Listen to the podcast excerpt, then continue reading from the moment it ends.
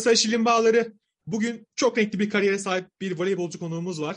Kendisi Kuzey Boru'nun deneyimli isimlerinden sevgili Yasemin Şahin Yıldırım bizimle beraber. Hoş geldiniz, nasılsınız? Merhabalar, hoş buldum. İyiyim, siz nasılsınız? Biz de iyiyiz, ne yapalım, uğraşıyoruz işte. Biraz sizi tanıyabilir miyiz? Tabii ki. Ee, adım Yasemin. Ee, 27 yaşındayım. Evliyim. Sakarya doğumluyum. Şu an Kuzey Boru'da voleybol oynuyorum. Bunun dışında Kocaeli Üniversitesi'nden Beden Eğitimi Öğretmenliği ve Spor Bölümü mezunuyum. İstanbul Üniversitesi'nden Sosyal Hizmetler Bölümünü okuyorum. Aynı zamanda da çocuk gelişiminden de bu, bu, bu dönem mezun olacağım. Hani böyle söyleyebileceğim. Wow yani bu nasıl bir akademik kariyer akıl vermiyor gerçekten inanılmaz. Yani insanlar bir tanesini okumaya şeyken yoruluyorken aynı anda 3-4 tane bölüm var. Gerçekten kolay gelsin. Epey zor bir süreç olmalı. Ya ya biz siz aslında hani yani bu renkli kariyere geçmeden önce biraz hani sizin voleybolu başlangıcınıza gitmek istiyoruz. Ve klasik sorumuzu soruyorum. Siz mi voleybol seçtiniz, voleybol mu sizi seçti? Yani aslında ikimiz de birbirimizi seçtik. Öyle demek çok daha doğru olur. Yani isterseniz en baştan anlat, anlatabilirim nasıl başladığımı. Tabii ki. Yani voleybol ile tanışmam aslında yaşıtlarıma göre benim biraz daha geç oldu. Lisede bir beden eğitimi öğretmenim vardı ve hani onun teşviğiyle başladım. Zaten çoğu sporcu böyle başlıyor diye düşünüyorum. Yani o yüzden beden eğitimi öğretmenleri bizim için çok önemli bence. Zaten bu mesleği seçmemdeki en büyük sebeplerden biri de bu. Yani beden eğitimi mezunu olmamın çok kısa bir süre ben kano sporuyla uğraşıyordum aslında voleyboldan önce. O sırada da kanoya da yeni başlamıştım. Yani çok uzun bir süredir yapmıyordum. Ee, okul takımında da voleybol oynuyordum. Bu bahsettiğim beden eğitimi öğretmenimin kurduğu bir takımdı. Ee, sonrasında Sakarya'daki bir hocamız vardı İdris Hoca. Bu beni genç takımına çağırmıştı. Sonrasında 6 ay kadar da orada bir başlangıç yaptım diyelim. Ee, genç takımların turnuvalarında fiziksel özelliklerinden dolayı çok dikkat çekmiştim. Bunun içinde birkaç takımdan hani altyapısına transfer teklifi almıştım. Böylelikle bir İstanbul serüvenim başladı benim aslında. Önce bir Galatasaray'a gitme durumum oldu. Sonra işte bonservis sıkıntıları oldu. E, Koç Spor Kulübü'ne gittim. Yani böylelikle aslında hani ikimiz de birbirimizi seçmiş olduk. Yollarımız kesişti diyelim. Yollarınız kesişti ve şu anda bu sizin hayatınız oldu. Aslında çok güzel bir tesadüftü bir yandan.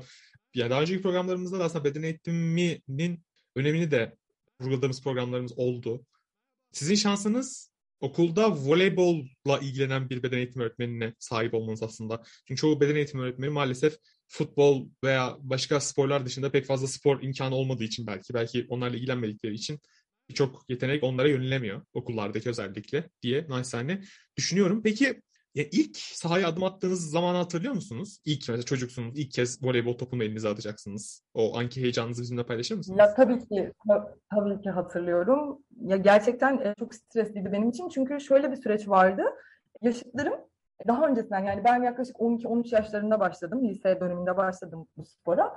O sırada e, diğer takım arkadaşlarım yaklaşık 8 yaşından beri bunun içindeydiler. Ve ben e, hiçbir bilgim yoktu voleybolla alakalı. Kendimi böyle gerçekten çok kötü hissediyordum onlara karşı.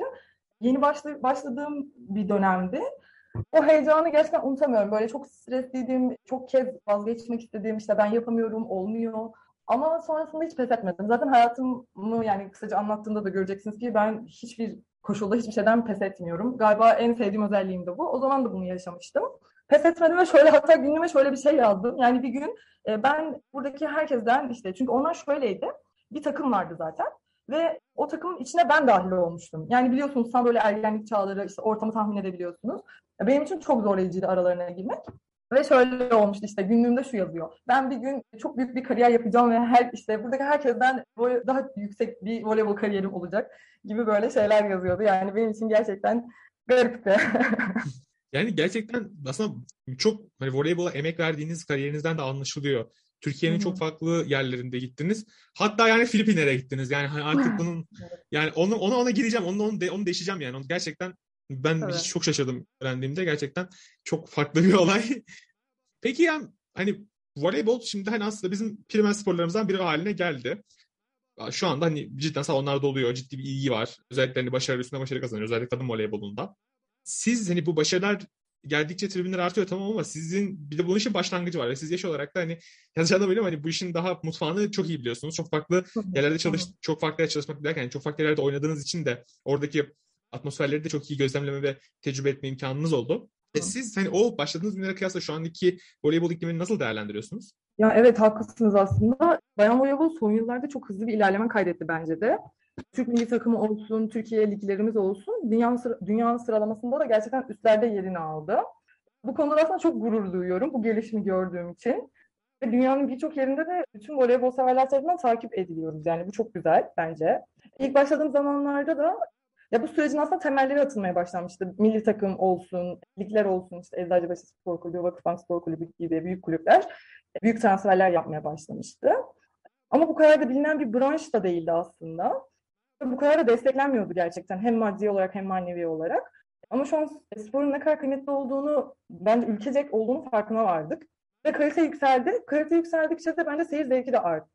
Hala eksiklerimiz vardır bence. Tabii ki öğreneceğimiz daha çok şey var. Daha çok yol kat ediyoruz ve biliyorsunuz voleybol ülkesiyiz. Adı altında e, götürüyoruz bir şeyleri. Ama bence güzel bir ilerleme. Ben çok memnunum. Yani çok da mutluyum. Umarım daha da büyük e, kitleler ile daha da dişe diş takımlar kurulur ki hani biz de daha zevkli maçlar izleriz. Biz de daha zor maçlar oynarız. Bu da benim temennimdir gerçekten. Yani şimdi aslında bu soruyu sizden daha iyi cevaplayabilecek çok az insan olduğunu düşünüyorum. Çünkü çok farklı bir ülkeye giderek oranın kültürünü tecrübe etme fırsatınız oldu. O günlere geleceğim fakat genel bir soruyla başlamak istiyorum ilk başta. Şimdi biz biraz hani voleybolcu da ihraç etmeye başladık. Başladık derken voleybolcu ihraç ediyoruz. Yani şu anda yabancı birçok takımda hı hı.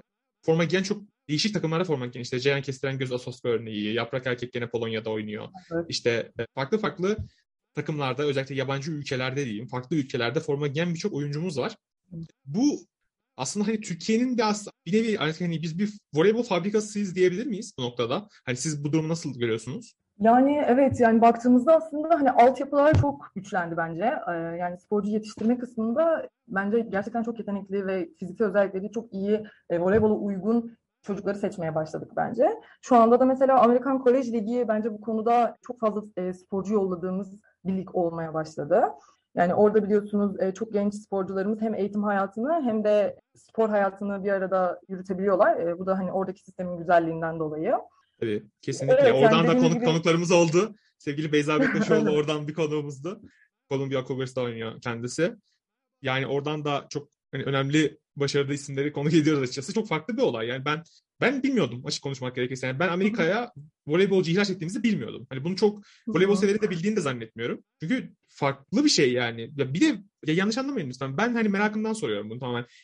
İzlenimim şu yönde. Biraz sanki Eczacıbaşı, Vakıfbank, Fenerbahçe ve hani biraz biraz Galatasaray ve Türk Hava Yolları diyelim. Onların Hı-hı. voleybol dünya ve oluşturduğu atmosfer seviyesiyle daha alt ligler dediğimiz hani bir tık alt ligler işte Sigorta Shop e, ligi olsun. Hı-hı. işte daha alt ligler olsun. Yani oradaki voleybol iklimi biraz farklılık gösteriyor gibi geliyor. Mesela buna şöyle bir örnek verebilirim. İşte mesela Ceren Kestiren Göz. Ceren çok başarılı bir oyuncuydu. Aha, Fenerbahçe aha. kariyeri de var ama Yeşilyurt'tan mesela Brezilya'ya transfer oldu, Osasco'ya transfer oldu. Şimdi hı hı. orada çok farklı bir dünya oluyor. Aslında ben çok merak ettiğim de bir dünya. Yani orada gerçekten çok farklı şeyler oluyor. Ve hani ne kadar milli takıma yansıyor bunu da bilmiyorum. Çünkü milli takıma baktığımız zaman genelde hep benzer isimleri görüyoruz. İşte şimdi mesela Vargas ismi konuşuluyor. Vargas Türk statüsünde evet. geçti şu anda. Vargas'ın geçeceği konuşuluyor ama yani hani ben açıkçası merak ediyorum ve görüşünüzü de merak ediyorum ama cevaplamak istemezseniz tabii ki de kendi tercihiniz çünkü çok biraz tehlikeli bir soru.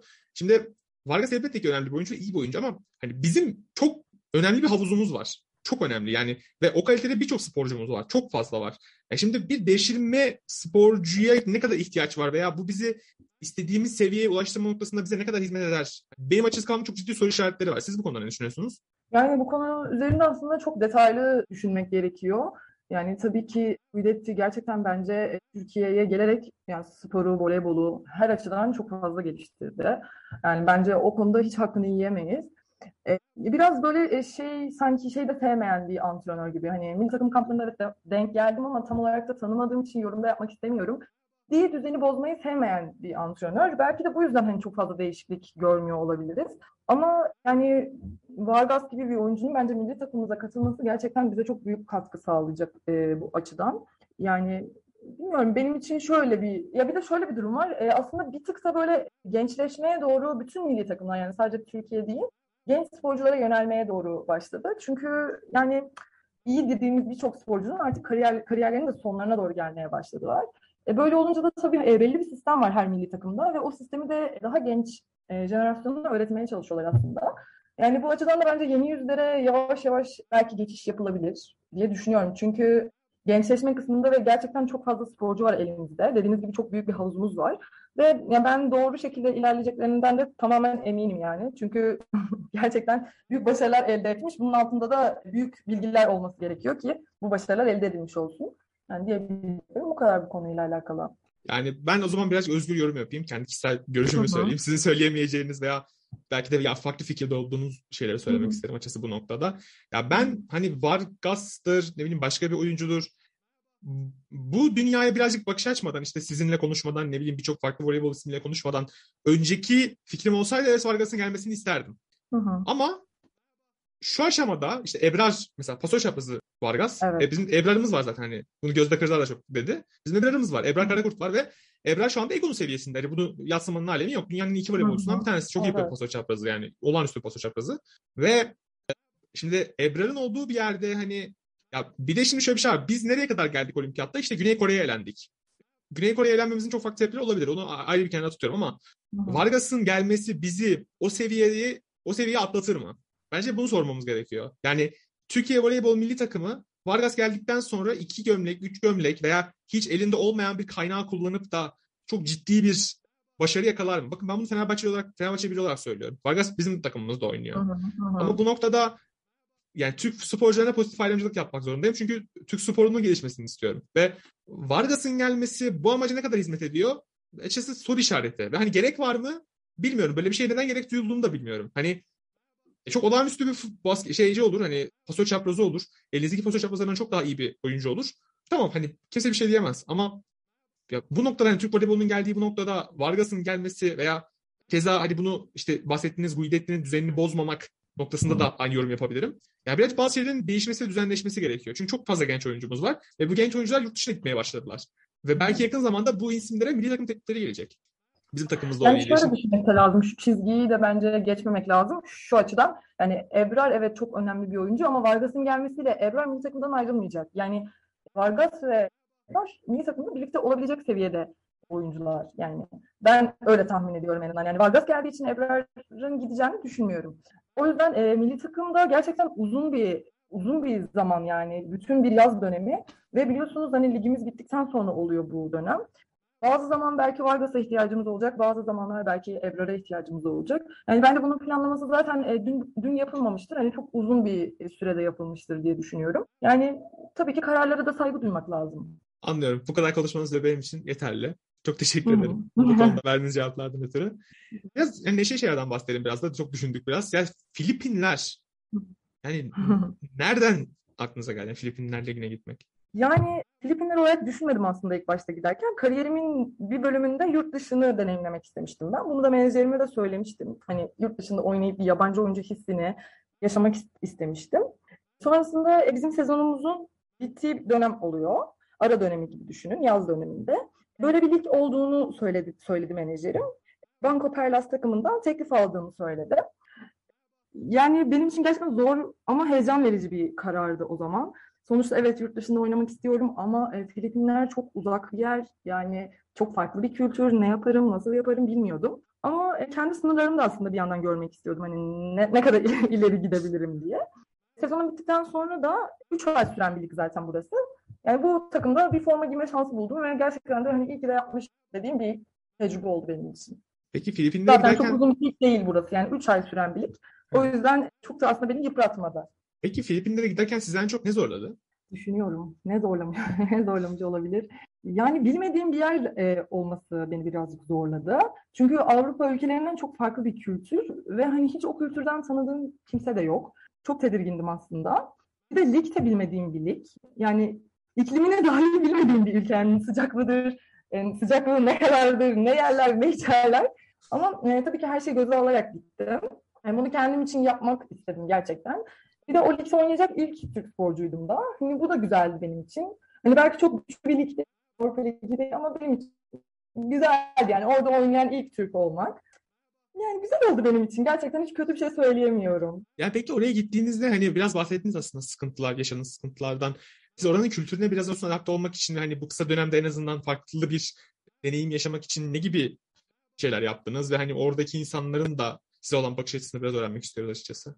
Ya aslında ben size şöyle küçük bir anımı anlatabilirim. Yani nasıl adapte olduğuma dair. Şöyle beni ilk oradan e, havaalanından yani e, menajer karşılayacaktı. Böyle, e, yani bu kadar uzak bir yere hiç gitmedim. Gerçekten çok stresliydim. Ta- tanımadığım bir kişi tarafından hani karşılanıyordum. Neyse e, daha sonrasında biz buluştuk ve hani arabayla beni kaldığım tesise yani rezidansa götürdü. Yol boyunca gerçekten dışarıya baktım. Çünkü ya insanlar böyle nasıl tarif etsem yani yanlış bir şey de söylemek istemiyorum ama hani böyle çıplak ayakla gezen, işte bizim bu döner kaçaklarda yatan insanlar, annesi babası başında olmayan bir sürü çocuk. Aşırı yani ben akşam saat 8.30-9 gibi indim. Zaten 12 saat süren bir uçuş. Çok yorgundum. Otele işte gittik. Yani gerçekten böyle anlayamadım. Yani inanılmaz çok sıcak. Hani biz mesela Türkiye'de şöyle bir iklimimiz var. Yani akşamları yaz bile olsa bir serin havaya geçiş var. Ama orada nem inanılmaz yüksekti. Zaten antrenman yaptığım sürede de beni en çok bu zorladı. Yani gerçekten bazen böyle boğuluyordum, nefes alamıyordum. O kadar nemli bir ortam. E zaten klimaların olduğu bir salon yok. Yani öyle bir, o kalitede bir salon yoktu. Daha çok böyle havalandırma tarzı salonla, salonda antrenman yapıyorduk. E neyse kaldığım yere gittim. E tabii ki ne istiyorum? Hani bir rahatlayayım, duşumu alayım, yatayım, uzanayım. Ya inanır mısınız? Su yokmuş. Yani sular akşam 9'dan mıydı? Şu an tam hatırlamıyorum. Akşam 9'dan sabah 6'ya kadar e, su tasarrufu vardı ülkede. Yani bilmiyorum benim gittiğim dönemde mi böyle bir şeye denk geldim. E, akşam Siz demediniz mi ya beni buraya niye gönderdin ben istemiyorum dönmek istiyorum şeklinde menajerinize zelzeleşte bulmadınız mı? Yani o, kadar, o kadar bir kere alınmıştı yani. Öyle, o kadar da artık dönemezdim. ben hiç öyle bir şikayetim olmadı. Zaten ben e, her yere her şekilde adapte olabiliyorum. Beni en çok o, o böyle e, şoka uğratmıştı. Yani zaten kaldığım yerde böyle şey yok. Yani çok güzel bir yerde kalıyordum ama e, çamaşır makinesi, yani teknolojik aletler çok fazla yoktu. Her şeyi elimde yıkıyorum, çamaşırımı elimde yıkıyorum. Yani böyle nereye düştüm, ne oldu gibi oldu benim için. Ama gerçekten de çok da keyif aldım. Yani böyle kendi sonra döndüğümde kendi hayatımın gerçekten ne kadar değerli olduğunu farkına vardım. Oradaki insanlar gerçekten çok beni böyle nasıl söylesem, nasıl e, tarif edebilirim duygularımı çok şaşırttı. Evet hani bekliyorum. Asya, sonuçta Asya tarafındaki bir ülkeye gidiyorum ve hani o kültüre sahip bir yere gidiyorum. Bekliyorum evet hani bizden farklı insanlar. Ama yani yolda çıplak ayakla gezen insanlar görünce işte üstünde tişört olmayan o kadar çok insan var ki yani şortla geziyorlar. çok sıcak çünkü ve bir anda böyle yağmur yağabiliyor. Öyle bir iklimi var. Bir anda her yeri sel götürüyor. Altyapısı çok e, sağlam bir yer olmadığı için yani dizinize kadar bir anda göl oluyor ortam. Böyle böyle bir şey yani ama benim için müthişti ya gerçekten. Bir kere daha gitmek isterdim eğer korona girmeseydi araya. ya bu tecrübe için aslında Filipinler yerine Domini'ye gidebilirdiniz yani. Hani Acun Ilıcalı'ya bir başvuru yaparak. evet, Ay, aynı tecrübe. gidebilirim. yani hani bir tercih de olabilirdi tabii. Bence insanlar hani... gerçekten bize çok benziyor. Yani çok samimi, çok konuşkan, çok yardımcı. Yani hiç kötü bir insanla gerçekten hiç rastlamadım. Sadece şöyle bir sıkıntı oluyordu. E, çok fazla belli oluyordu turist olduğum dışarı çıktığım zamanlarda. Ve hani çocuklar çok rahatsız ediyordu. Dilenci çocuklar vardı sokakta çok fazla. Yani oranın şöyle bir sıkıntısı var bence. E, çok fazla annesi babası olmayan çocuk var sokakta. Yani başıboş gezen en az yani bir milyon çocuk görmüşümdür en az. o, kadar, kadar yani. Çok fazla çocuk vardı. O yüzden onun dışında tedirgin olduğum hiçbir şey olmadı. Yani biraz şey değişikti. Gerçi şu an değişik gelmiyor. Şu an bizim ülkemiz de buna döndü. Ya markete gidiyordum mesela domatesi taneyle alıyordum. Yani biz normalde kiloya alışığız bir tane domates alıyordum mesela ya da iki tane domates alabiliyordum. Çünkü çok pahalıydı orada bu, bu tür organik şeyler. Ee, şu anda gerçekten Türkiye'de böyle yani herhalde. İnsanlar taneyle alabiliyorlar birçok şeyi. O zaman çok şaşırmıştım ama şu an anlıyorum. Biz de herhalde küçük bir Filipinler olmaya doğru yemin adımlarla ilerliyoruz. Yani. Evet, Allah korusun diyelim ya gerçekten korkunç. Ya korkunç ama ya ben şey anlamıyorum. Hani hiç demediniz mi ya ben ne işim var burada? Ya ben niye buradayım? Burada voleybol topunu bile yeni görmüş olabilirler yani. Hani voleybol topu belki de oradaki Hiç voleybol kültürü öyle değil. Ülke böyle ama voleybol kültürü müthiş. Gerçekten yani, mi? Evet. Full tribün, canlı yayınlar, müthiş röportajlar. Yani Türkiye gibi birlikte olmayan belki beş katı kadar seviyede fan. Mesela sürekli maçtan sonra insanlar geliyordu maç çıkışına ve böyle yaklaşık 100 kişi e, sürekli seninle fotoğraf çekilmek istiyor, işte seninle sohbet etmek istiyor, seni e, bu taraftarlar yemeklere davet ediyor. İnanılmaz bir ilgi var yani. Hiç öyle düşündüğünüz gibi değil. Şehir böyle, ülke böyle ama herkes tanıyor mesela. Biniyorum bir taksiye, aa sen işte Banko, ya taksici nihayetinde ne kadar vakti olabilir maçı izlemeye? Aa sen Banko Perlas'ta oyun, oyun oynuyorsun değil mi? Evet. İşte bakkala gidiyorum, aa sen şu maçta şunu yaptın, şöyleydi, şu kadar blok yaptın, bilmem ne. Yani inanılmaz tepkiler. Hiç böyle seni tanıyacağını düşünmediğin insanlar bir anda sana işte biz seni tanıyoruz diyorlar. Ya yani ben çok memnun kalmıştım o yüzden. Hala ya oradan ben... görüştüğüm birkaç taraftar bile var öyle söyleyeyim. Beni dönüşte havaalanına tabii beni dönüşte havaalanına bıraktı yani bir tane taraftar. Öyle öyle ilgililer. Yani yalnız gitmeni istemiyoruz işte biz seni çok sevdik. Havaalanında beni yolcu etti. Peki tekrar dönmeyi düşünüyor musunuz Filipinlere? Sesinizi alamadım. Filipinlere tekrar dönmeyi düşünüyor musunuz? Ya ben aslında sonraki yaz bir daha gitmek istiyordum ama bu Covid'in çıktığı yaz oldu ve tabii ki oradaki lig durdu bizim gibi. Öyle olunca araya mesafe girdi ve şu anda da oradaki işte eski takım arkadaşımla görüştüğümde onların ligleri şöyle dört parçadan oluşuyor. Sadece bir parçasında yabancı oynayabiliyor, yabancı oyuncu. Şu an onu kaldırdıklarını söyledi. Yani Hmm. o yüzden hani istesem de şu an o lige gidemeyeceğim muhtemelen. Yani Covid'den dolayı böyle bir yasak gelmiş. Sadece yerel oyuncularla oynuyorlar şu anda. Evet, Ya ama tekrar şöyle- olsa isterim yani tabii ki. Ya gerçekten çok enteresan. Ya ben böyle bir cevap hiç beklemiyordum. Yani Filipinler ya işte yani beş katı taraftar olacak, taraftarlar beni bırakacak, herkes voleybolu bilecek yani. Filipinler ne, voleybol ne yani çok değişik bir cevap. Ben çok Ve yani bizim ligimizi de çok e, takip ediyorlar. Avrupa liglerini de çok takip ediyorlar. bizim ligimizi de takip ediyor. Allah Tabii, Allah. tabii tabii. Çok enteresan. Gerçekten çok enteresan. Şu an çok Mesela şaşırdım Tayland gerçekten. da öyle. Sarıyer'de Tayland'da iki tane oyuncu var. Bilmiyorum hiç denk geldiniz mi? Evet, Chachu On Evet, ve aynen. bir bir oyuncu daha var. Yani telaffuzunu kötü yapmış ama- olabilirim. Telaffuzunu yanlış yapmış olabilirim ama bir tanesi o. Hemen Hatta çok iyi bilmiyorum ama zor biraz çünkü. Evet, evet. Ya geçen de şey olmuştu hatta. Sevgili Gizem Gilaygil, THY'nin menajeri Instagram'da paylaşmıştı. Bu Fanatik gazetesi. Normal Sarıyer'de oynuyor Çaçoğan filan. Bir Hı hı. e, haber girmiş Sarıyer THY maçıyla ilgili. Şey yazıyor. Çaçoğan maçı aldı diyor. Maçı THY almıştı galiba. Altında da şey yazmışlar işte yani bu yani bu minvalde bir şey yazdılar bu arada hani kelimesi kelimesi tam hatırlamıyorum ama işte yani hı. şeyde gösteriyor. THY'de gösteriyor.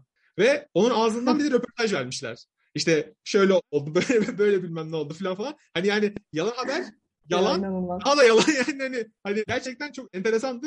O da paylaşmıştı hani yani tamam ama Çaçoğan bizde oynamıyor hani falan diye böyle.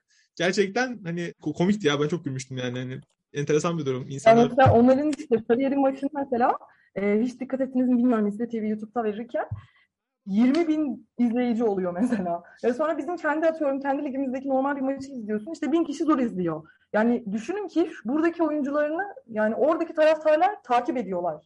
Yani bu kadar inanılmaz bir şey. Hakikaten öyle. Kesinlikle çok haklısınız. Ya o kadar haklısınız ki. Özellikle Asya'da- ne kadar bir ülke. Evet evet. Özellikle Asya'da bu çok yaygın bir kültür. Yani eğer mesela hani ya çok klişe bir örnek olacak ama mesela Kim Min Jae vardı burada işte Fenerbahçe'de futbol oynuyor. Yine Güney Kore çıkışta. Yani o bölgenin, o Asya bölgesinin Tayland, işte Güney Kore, Japonya Türkiye'ye gelmiş olan temsilcilerini çok sahipleniyorlar. Yani hiç hiç yalnız Evet, bırakmıyorlar. evet. Ve benim açıkçası çok enteresanıma giden mesela onlar orada fenomenler yani.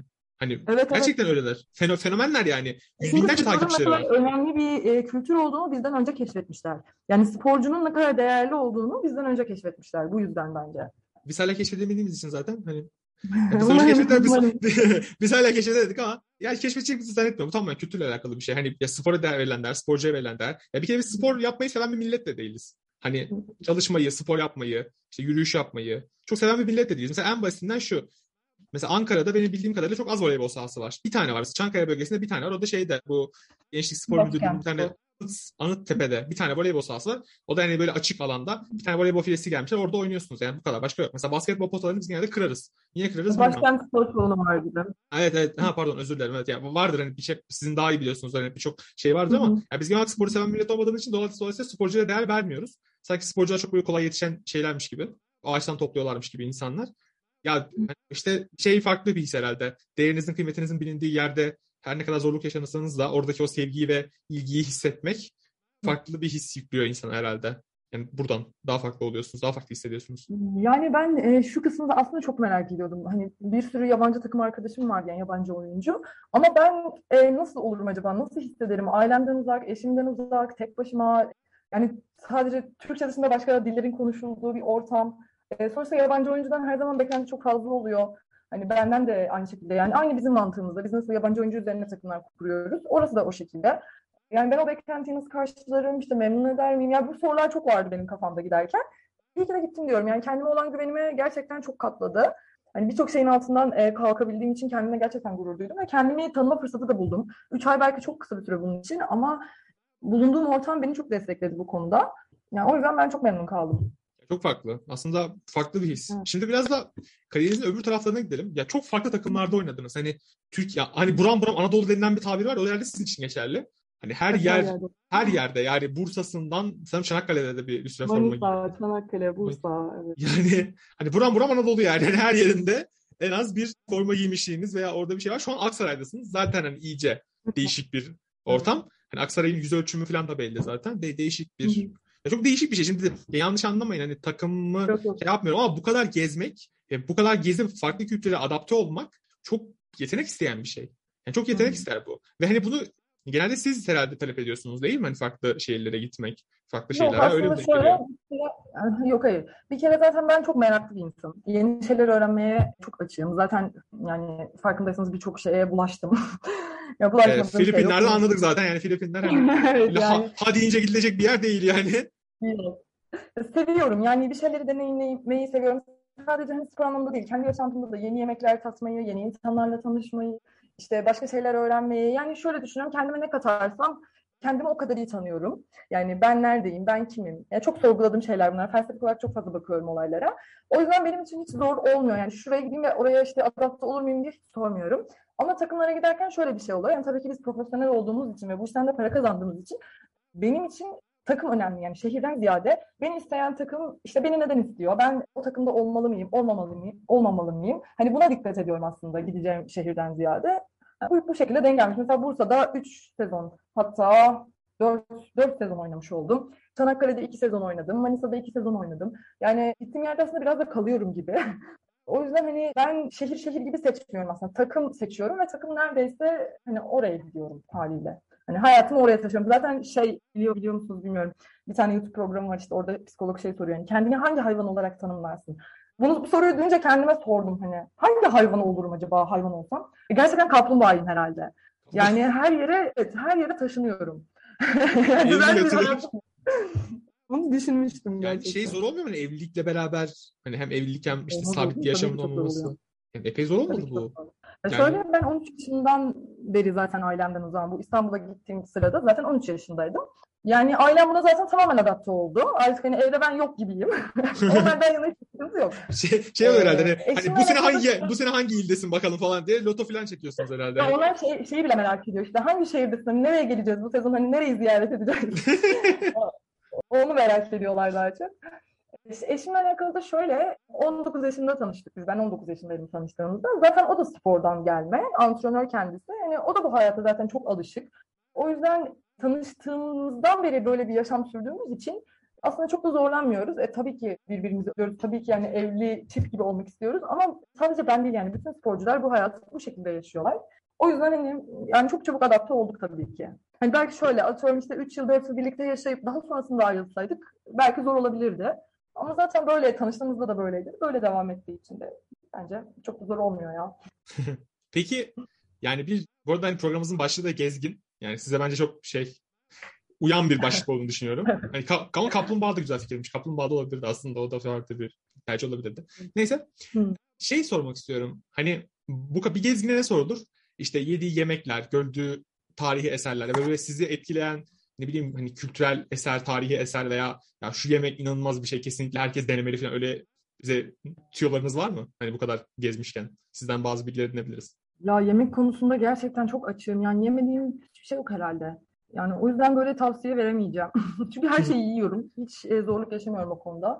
Yani biz aslında çok şehir değiştiriyorum ama aynı zamanda işte gittiğim şehirleri aslında çok da böyle gezemiyorum yani. Tam size bilgi vereceğim kadar aslında çok da bilgim olmuyor. Çünkü günüm antrenmana git, maça git, eve gel, yemek yap. Hani bu arada geçiyor. Şu an spesifik bir şey gelmedi aklıma doğruyu söylemek gerekirse. Anladım. Peki en azından merak ettiğim bir şey var. Filipinlerle alakalı soracağım. Filipinlerin yemekleri böyle çok baharatlı yemekler mi yoksa hani damak tadı olarak nasıl bir damak tatları var?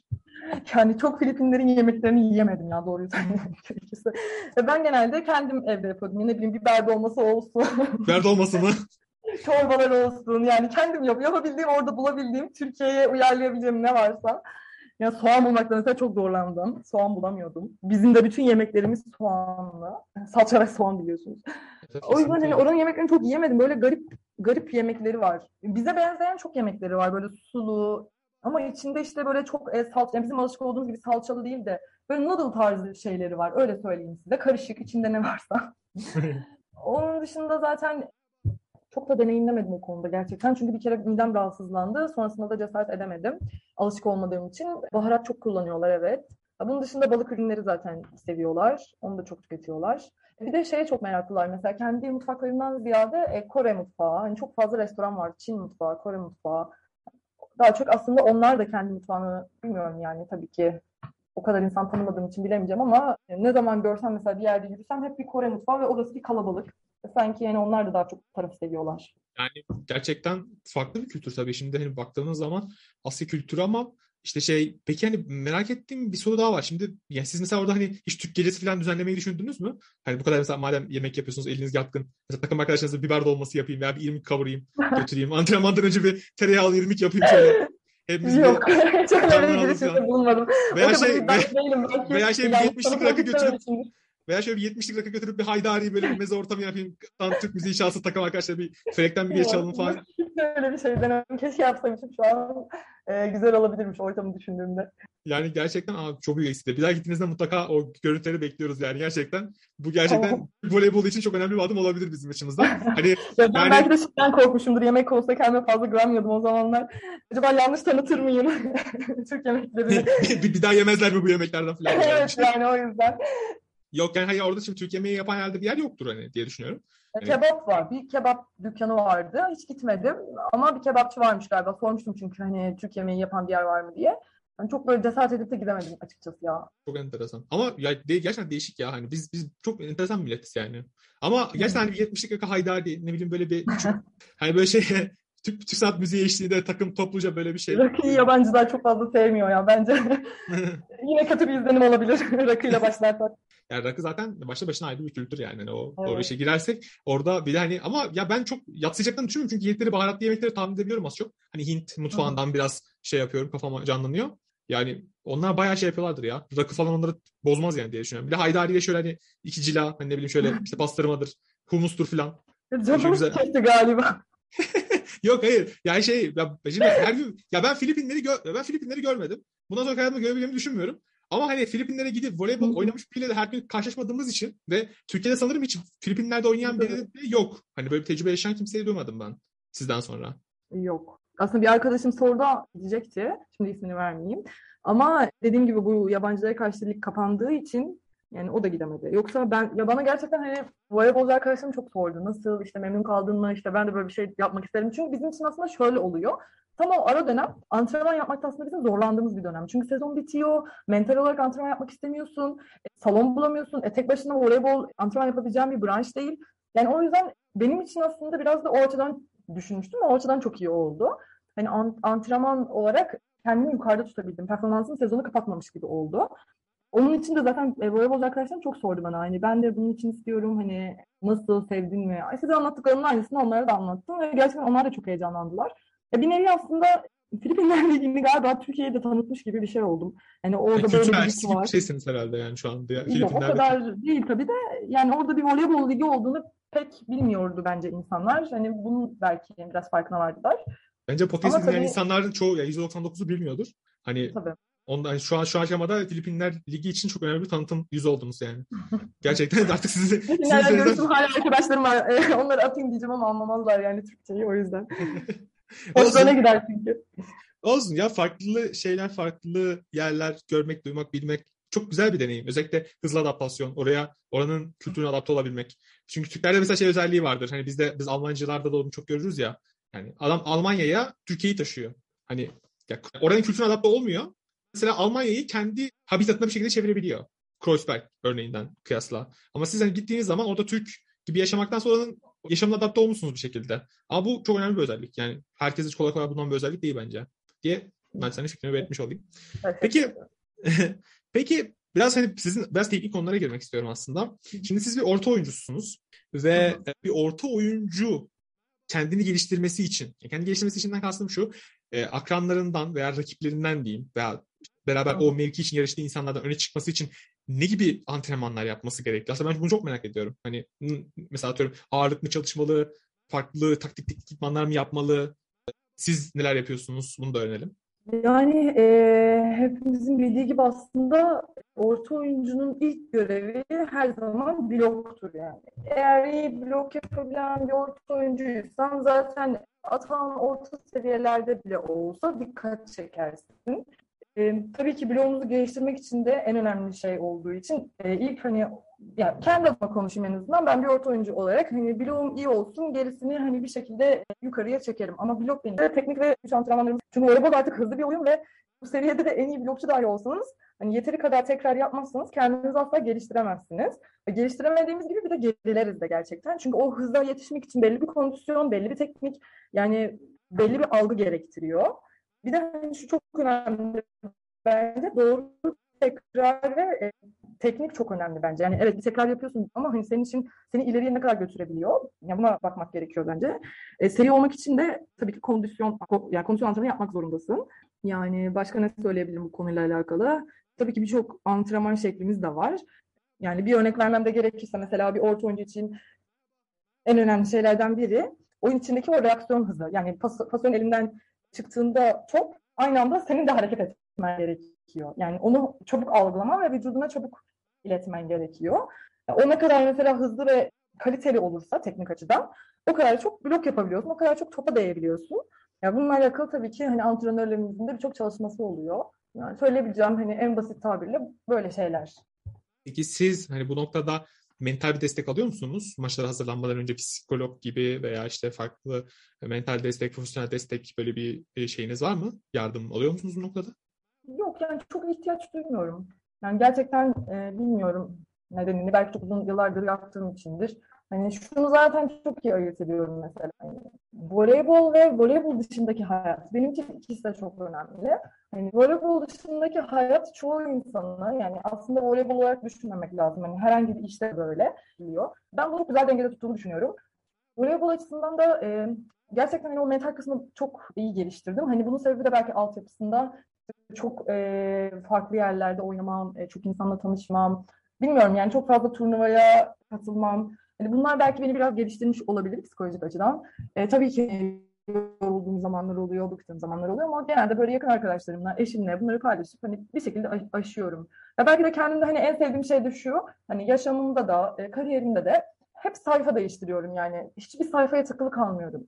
Yani kötü de geçse, iyi de geçse bence hani kötü geçen bir şeye adapte olmak, yani sonrasında adapte olmak bence daha kolay. Ama iyi geçen bir şeyi Hani o hormonlarla birlikte çünkü her şey yükseliyor. Hani evet iyi bir şey yaşadın ama sonrasında böyle dibe vuruşunun çok sert oluyor eğer kontrolünde olmazsa. Hani hepsini hazmedebilmek bence çok önemli.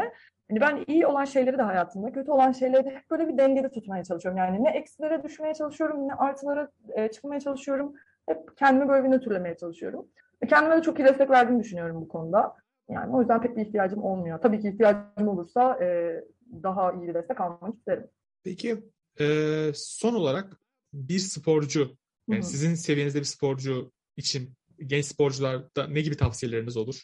Yani sizin kariyeriniz anladığım kadarıyla çok uzun süre bu sporu yapmak, bu oyunun içinde kalmak istiyorsunuz.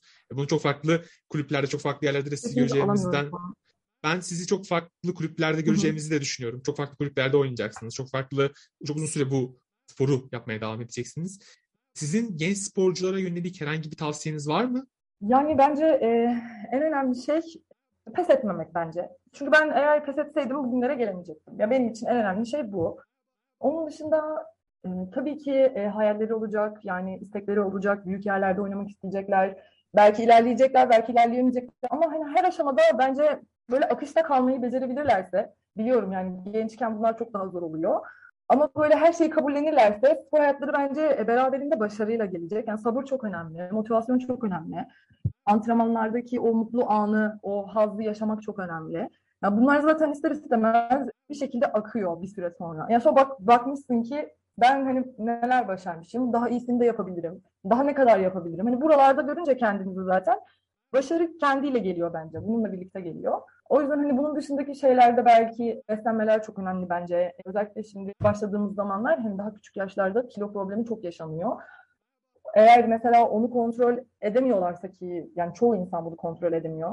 Bilmediği, bilinçsiz olduğu için o yaşlarda. Hani bunun desteğini alabilirler. E, beslenme konusu bence çok önemli. Bunun dışında her zaman hedefli olsunlar ya. Bazen küçük hedefler. Ya bunu sadece küçükken değil belki hani o gençkenki kısımda değil ama hayatımızın her aşamasında, her yaşta 7'den 70'e hani kendimize böyle küçük ve büyük hedefler koymalıyız bence. Hani böyle adım adım, basamak basamak ilerlemek bence motivasyonu çok arttırıyor. Böyle düşünüyorum. Gerçekten çok önemli ve değerli bilgiler verdiniz ya. Çok teşekkür ederiz gerçekten. Biz yavaş yavaş kapatalım. teşekkür ederim. Çok Son sözlerinizi alalım. Ee, aslında birçok şeyi söyledim. Umarım kimseyi sıkmamışımdır.